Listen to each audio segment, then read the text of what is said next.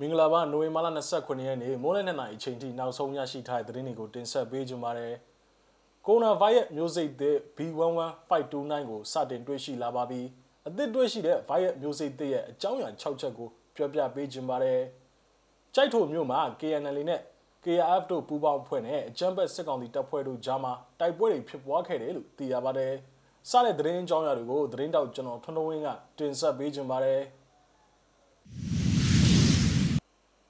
ပထမဆုံးအနေနဲ့တင်ဆက်ပေးခြင်းတဲ့သတင်းကတော့မွန်ပြည်နယ်ကြိုက်ထိုမြို့မုတ်ပလင်ကျေးရွာတောရကျောင်းခွေအနီးမှာနိုဝင်ဘာလ25ရက်နေ့မိုးလဲ3:07မိနစ်အချိန်ခန့်ကကရင်မျိုးသားလွတ်မြောက်ရေးတပ်မတော် KNL နဲ့ကြိုက်ထိုတော်လိုင်းအင်အားစု KRF တို့ပူးပေါင်းဖွဲ့နဲ့အကြမ်းဖက်စစ်ကောင်စီတပ်ဖွဲ့တို့တိုက်ပွဲတွေဖြစ်ပွားခဲ့ကြောင်းကို KRF ထံမှသိရပါတယ်စစ်ကောင်စီတပ်သားအင်အား30ခန့်ကတောရကျောင်းခွေအနီးသို့နေမြေရှင်းလင်းရန်ရောက်ရှိလာတာကြောင့်တိုက်ပွဲဖြစ်ပွားရကြောင်းကို KRF အဖွဲ့ဝင်တဦးကဆိုပါတယ်။ စစ်ကောင်စီဘက်က10ယောက်သေတယ်6ယောက်အပြင်းထန်ဒဏ်ရာရရှိခဲ့တယ်လို့၎င်းကဆိုပါတယ်အစောပိုင်းနေ့လယ်2နာရီချိန်ခန့်ကလည်းမုတ်ပလင်ကျွော်တောအကြောင်းကွေနီးမှာမြေအောက်မှာမြုပ်ထားတဲ့မိုက်တဲကေဘယ်ဂျိုကို KNL နဲ့ KRF တို့ပူးပေါင်းဖွဲ့ကမိုင်းခွဲဖျက်ဆီးလိုက်ကြောင်းကိုလည်း၎င်းကထပ်မံပြောဆိုပါတယ်ဖောက်ခွဲဖျက်ဆီးမှုပြီးနိုင်ခွက်ခန့်ကြာမှစစ်ကောင်စီဘက်ကလက်နက်အပြည့်စုံဖြင့်ရက်ဝစ်အင်အား15ဦးခန့်ဖြင့်ရောက်ရှိလာပြီးစစ်ဆေးနေစဉ်မှာထပ်မံပြီးမိုင်းတလုံးဖောက်ခွဲခဲ့ရမှာ နှစ်ဦးသေဆုံးပြီးတော့၄ဦးပြင်းထန်ဒဏ်ရာရရှိသွားကြောင်းကို KRF ကသတင်းထုတ်ပြန်ထားပါသေးတယ်ဆက်လက်ပြီးတင်ဆက်ပေးခြင်းတဲ့သတင်းကတော့တောင်အာဖရိကမှာတွေ့ရှိတဲ့ B11529 ခေါ် COVID-19 ကိုဖြစ်ပွားစေတဲ့ကိုရိုနာဗိုင်းရပ်မျိုးစိတ်သစ်ကိုတောင်မရှိတဲ့သူတွေကစိုးရိမ်ဖွယ်ရာနေဖြစ်ပြောဆိုနေကြပါပြီအဆိုပါမျိုးစိတ်သစ်ဟာနိုင်ငံများစွာရဲ့ကူးစက်ဖြစ်ပွားမှုကိုပို၍ဆိုးဝါးစေတဲ့ စိုးရိမ်မှုများရှိနေကကျန်းမာရေးစနစ်ကိုလည်းဝင်ပြီးစေပြီးတော့ကာကွယ်ဆေးပြီးတဲ့ဖြစ်နိုင်ခြေလည်းရှိနေတာကြောင့်စီးပွားရေးနဲ့နယ်စပ်များပြန်လည်ဖွင့်လှစ်ခြင်းကိုအရေးဆိုမှုများရှိလာသည့်နဲ့အတူကမ္ဘာဈေးကွက်များကိုပါဖိစီးလျက်ရှိနေပါတယ်အစောပါမျိုးစိတ်သစ်အကြောင်းကိုသိရှိရသမျှကတော့နံပါတ်1မျိုးစိတ်သစ်ရဲ့မတူကွဲပြားမှု B11529 virus ဟာခန္ဓာကိုယ်မှာရှိတဲ့ဆဲများအတွင်း virus ဝင်ရောက်ရာမှာအဓိကကျတဲ့ protein နဲ့သတိ ပြောင်းလဲမှုအရေးအတွက်မြင်မားစွာရှိနေတယ်လို့သိပ္ပံပညာရှင်များကဆိုပါတယ်။ကာကွယ်ဆေးများမှာဆိုပါပရိုတိန်းကိုပြစ်မှတ်ထားကာကွယ်ခြင်းဖြစ်ပါတယ်။ရခိုင်ကဗိုင်းရပ်များထက်ယခုဗိုင်းရပ်အသစ်ကပို၍ကူးစက်မြန်ခြင်းပို၍သေဆုံးမှုဘေးများရှိခြင်းရှိမရှိကိုတော့သူတေသီများကစူးစမ်းလေ့လာနေစေပဲဖြစ်ပါတယ်။နံပါတ်1ဗိုင်းရပ်ဘယ်ကလာသလဲယခုထိတော့ထင်ချင်းမှန်းဆချက်သားရှိနေပါသေးတယ်။လန်ဒန်မှာရှိတဲ့ UCL Genetic Institute မှသိပ္ပံပညာရှင်တဦးက ကိုခံအားကောင်းသောလူတူကုသမှုမခံယူသော AIDS လူနာရှင်တူဖြစ်နိုင်သူနဲ့နာတာရှည်ကူးစက်မှုဖြစ်နိုင်တဲ့နေရာမှာတဆင့်တဆင့်ပြောင်းလဲလာခဲ့တဲ့မျိုးစိတ်ဖြစ်ပွဲရှိတယ်လို့သူကဆိုပါတယ်။တောင်အာဖရိကဟာကမ္ဘာမှာအများဆုံး HIV ကူးစက်ဖြစ်ပွားသူပေါင်း8.2တန်းရှိနေတာပါ။တောင်အာဖရိကမှာပြီးခဲ့တဲ့နှစ်ကတရေပြောင်းဘက်တာကိုရိုနာမျိုးစိတ်အသစ်ကိုတွေ့ရှိခဲ့ပြီးတော့၎င်းက HIV ကူးစက်သူတူမှထွက်ပေါ်လာခြင်းဖြစ်ပါတယ်။နံပါတ်3 ဗိုင်းရပ်မျိုးစိတ်သစ်မြည်တို့ပြန့်နှံ့နိုင်သည်။နိုဝင်ဘာလ25ရက်နေ့ထိတောင်အာဖရိကမှာယခုမျိုးစိတ်သစ်ကူးစက်မှုပေါင်း100နီးပါးရှိနေပါတယ်။ဂျိုဟန်နစ္စတန်ဘတ်အပါဝင်ဖြစ်သောပြည်နယ်မှာဗိုလ်တဘူးနေ့ကကိုရိုနာဗိုင်းရပ်ကူးစက်မှုအသစ်1100မှာ90ရာခိုင်နှုန်းကယခုမျိုးစိတ်သစ်ကူးစက်ခြင်းဖြစ်ကြောင်းကိုအစောပိုင်း PCR စမ်းသပ်မှုရလကပြသကြောင်းကိုတောင်အာဖရိကကတက္ကသိုလ်နှစ်ခုရဲ့မျိုးဗီဇဌာနများကဇီဝသတင်းအချက်လက်ပမောက္ခတူလီယို ဒီအိုလီဗာယာကဆိုပါတယ်အိန္ဒိချင်းဘော့စ်ဝါနာမှာလည်းကာကွယ်စစ်အပြည့်အဝထိုးပြီးသူ၄ဦးမှာအဆိုပါဗိုင်းရပ်စ်ကူးစက်ခံရကြောင်းကိုတလင်းလာလေးကတွေ့ရှိခဲ့တာပါဟောင်ကောင်မှာတော့တောင်အာဖရိကကခီးသွွားတအူးမှာအဆိုပါမျိုးစိတ်အသစ်ကိုတွေ့ရှိတဲ့ကဲ့သို့ဟိုတယ်ကာဝရင်ဝင်နေသူတူးမှာလည်းတွေ့ရှိပါတယ်နံပါတ်၄ကိုရိုနာဗိုင်းရပ်မျိုးစိတ်အသစ်ရဲ့ကြရက်ရိုက်ခတ်မှု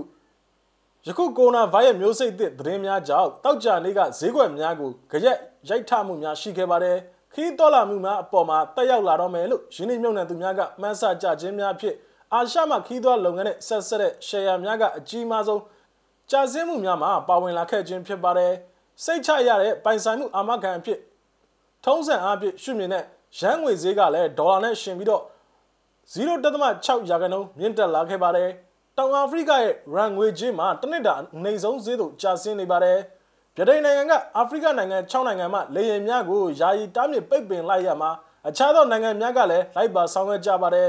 စင်ကာပူနိုင်ငံကတောင်အာဖရိကနဲ့အနီးပတ်ဝန်းကျင်နိုင်ငံများတွားရောက်ထားသူများကိုအ ਨੇ ဆုံး14ရက်ပြည်ဝင်ခွင့်ပိတ်ခဲ့ပါတယ်။အချင်းနေပိုးရဲ့ဆိုလာဘာကတောင်အာဖရိကကခီးသွွားများအတွက်နေဆက်ဝင်ရောက်ခွင့်ကိုစီမင်းများတင်းကျပ်မယ်လို့ဩစတြေးလျကလည်းဆိုပါတယ်။အိန္ဒိယနိုင်ငံကတောင်အာဖရိကဘော့စဝါနာနဲ့ဟောင်ကောင်တို့မှလာတဲ့ခီးသည်များကို စခရင်ဖတ်ချင်းများလဲဆောင်ရွက်နေပြီဖြစ်တယ်လို့သိရပါတယ်။နံပါတ်5မြည်သည့်စိတ်ပူစရာများရှိသည်နည်းအစောပါကိစ္စရပ်နဲ့ပတ်သက်ပြီးတော့ပြောရင်စောလုံးနေပါသေးတယ်ကမ္ဘာ့ကျန်းမာရေးအဖွဲ့ကြီး WHO ကအဆိုပါမျိုးစိတ်တဲ့လက်ရှိကာကွယ်ဆေးများကခုခံကာကွယ်နိုင်စွမ်းရှိမရှိတို့ကိုအချိန်ယူလေးလာသုတေသနပြုရမှာဖြစ်ပြီးတော့ဗိုင်းရပ်များကလည်းအချိန်တိုင်းတရေပြောင်းလဲနေကြတာ တခါတရံမှာပို၍အားနဲ့သွားတတ်တယ်လို့တခါတရံမှာပြိဇီဝဆေးများကိုလည်းကြော်လွှမ်းနိုင်ကလူကိုကူးဆက်စေနိုင်ပါတယ်နံပါတ်6မြည်တို့သတိထားတဲ့တနည်းဗိုင်းရပ်မျိုးစစ်အသစ်အကြောင်းကိုသိရှိနားလည်ရန်သတင်းပတ်အချို့အချိန်ယူရမယ်လို့တောက်ကြနေကအစည်းအဝေးမှာ WHO ကပြောဆိုလိုက်ပါတယ် B11529 မျိုးစိတ်အသစ်ဟာကမ္ဘာလုံးဆိုင်ရာစိုးရိမ်ပူပန်စရာဖြစ်တယ်လို့ဆိုပါတယ် WHO ရဲ့အမည်ပေးခြင်းအစီအစဉ်အရ Green နာမည်ဖြစ်တဲ့ New လို့အမည်တက်လာဖွဲ့ရှိနေပြီးတော့အစိုးရများကလည်း virus မျိုးစိတ်တစ်ကိုတုတ်ပြန်ပြီးတော့နယ်စပ်နဲ့ခီးသွွာလာမှုများကိုထိန်းချုပ်လာနိုင်မယ်လို့ရှိနေပါတယ်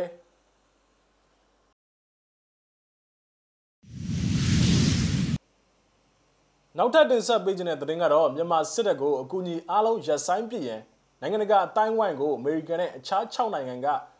ပူးတွဲသတင်းထုတ်ပြန်ကတောက်ကြနေကတိုက်တွန်းလိုက်ပါတယ် မြန်မာနိုင်ငံကလုံခြုံရေးတပ်ဖွဲ့ဝင်များရဲ့လူခွန်ရေးချိုးဖောက်နေတဲ့သတင်းများနဲ့ပတ်သက်ပြီးလဲအထူးစိုးရိမ်ပူပန်ရတယ်လို့ဆိုပါထုတ်ပြန်ချက်မှာဖော်ပြထားပါတယ်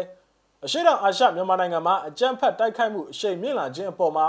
စိုးရိမ်ပူပန်မှုများလဲရှိနေချိန်မှာဆိုပါထုတ်ပြန်ချက်ထွက်ပေါ်လာခဲ့ခြင်းဖြစ်ပါတယ်။စစ်အုပ်ချုပ်ရေးအဆုံးသက်ရေးအတွက်တိုးပွားလာတဲ့တက်ကြွတဲ့လက်နက်ကင်တော်လှန်မှုများကိုဖြိုခွင်းနိုင်ရန်စစ်တပ်ကကြိုးပမ်းလျက်ရှိနေခြင်းဖြစ်ပါတယ်။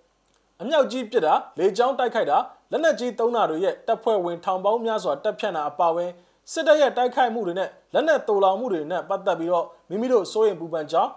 လုံခြုံရေးတပ်တွေကတံပြန်အကြမ်းဖက်စစ်စင်ရေးဆိုထားပေမဲ့အရက်သားတွေပေါ်မှာချိုးစားမညီမျှစွာတက်ရောက်နေခြင်းအတွက်စိုးရိမ်ရကြောင်းကိုဆိုပါထုတ်ပြန်ချက်မှာဖော်ပြထားပါတယ်။လိန်ချမ်းဖတ်မှုနဲ့နှိပ်စက်ညှဉ်းပန်းမှုများနဲ့ပတ်သက်တဲ့ယုံကြည်ရတဲ့သတင်းများအထူးသဖြင့် နိုင်ငံမြောက်ပိုင်းမှာလူခွင့်ရေးချိုးဖောက်မှုများကိုလည်းဆိုပါထုတ်ပြန်ချက်တွေမှာဖော်ပြထားပါသေးတယ်။မြမအနောက်မြောက်ပိုင်းမှာအစိုးရရဲ့တိုက်ခိုက်မှုများကြောင့်လူထောင်ပေါင်းများစွာဟာနေရစွန့်ခွာပြောင်းရွှေ့နေရပါတယ်။ယခုပူရဲထုတ်ပြန်ချက်မှာပါဝင်နေတဲ့နိုင်ငံများကမြန်မာနိုင်ငံကိုလက်နက်တင်ပို့ခွင့်ပိတ်ပင်ထားပြီးဖြစ်တဲ့ American, Australia, Canada, New Zealand, Norway, တောင်ကိုရီးယားနဲ့ဗြိတိန်နိုင်ငံတို့ပဲဖြစ်ကြပါတယ်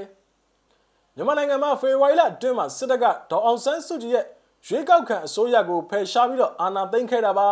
အစောပါထုတ်ပြန်ချက်မှာပါဝင်တဲ့နိုင်ငံများကအာဏာသိမ်းမှုနောက်ကွယ်မှာပါဝင်နေတဲ့ဗိုလ်ချုပ်ကြီးများကိုဖိအားပေးရတဲ့တန်တမန်ရင်းနဲ့စီးပွားရေးရပြစ်မှတ်ထားဒဏ်ခတ်ပိတ်ဆို့မှုများလည်းချမှတ်ထားပါသေးတယ်။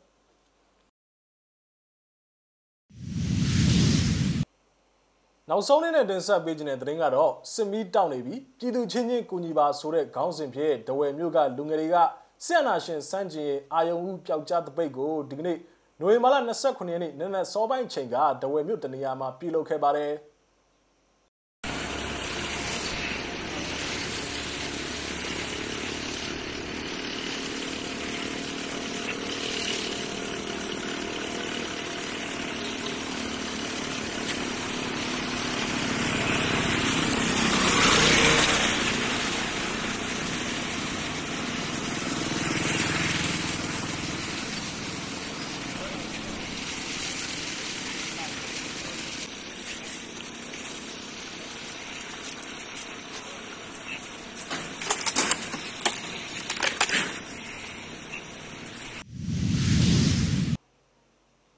ဟုတ်ကဲ့ပါနိုဝင်ဘာလ29ရက်နေ့မိုးလင်းတဲ့နိုင်အချိန်ထိနောက်ဆုံးရရှိထားတဲ့သတင်းတွေကိုကျွန်တော်တို့မျိုးစိမဝိုင်းတော်သားများကနေပြီးတော့တင်ဆက်ပေးခဲ့တာပါမြန်မာပြည်နယ်မှာနေထိုင်တဲ့မိဘပြည်သူတွေအကုန်လုံးဘေးရန်နဲ့ကင်းရှင်းကြပါစေလို့ဆုမွန်ကောင်းတောင်းအပ်ပါတယ်လက်ရှိဖြစ်ပွားနေတဲ့ COVID-19 ရောဂါနဲ့ပတ်သက်ပြီးအထူးကူးဆိုင်ကြဖို့ကိုကျွန်တော်တို့မျိုးစိမဝိုင်းတော်သားများကတိုက်တွန်းလို့ဆိုခြင်းပါတယ်နောက်ထပ်ရရှိလာမယ့်သတင်းတွေအတူတူကျွန်တော်တို့ပြန်လာခဲ့ပါမယ်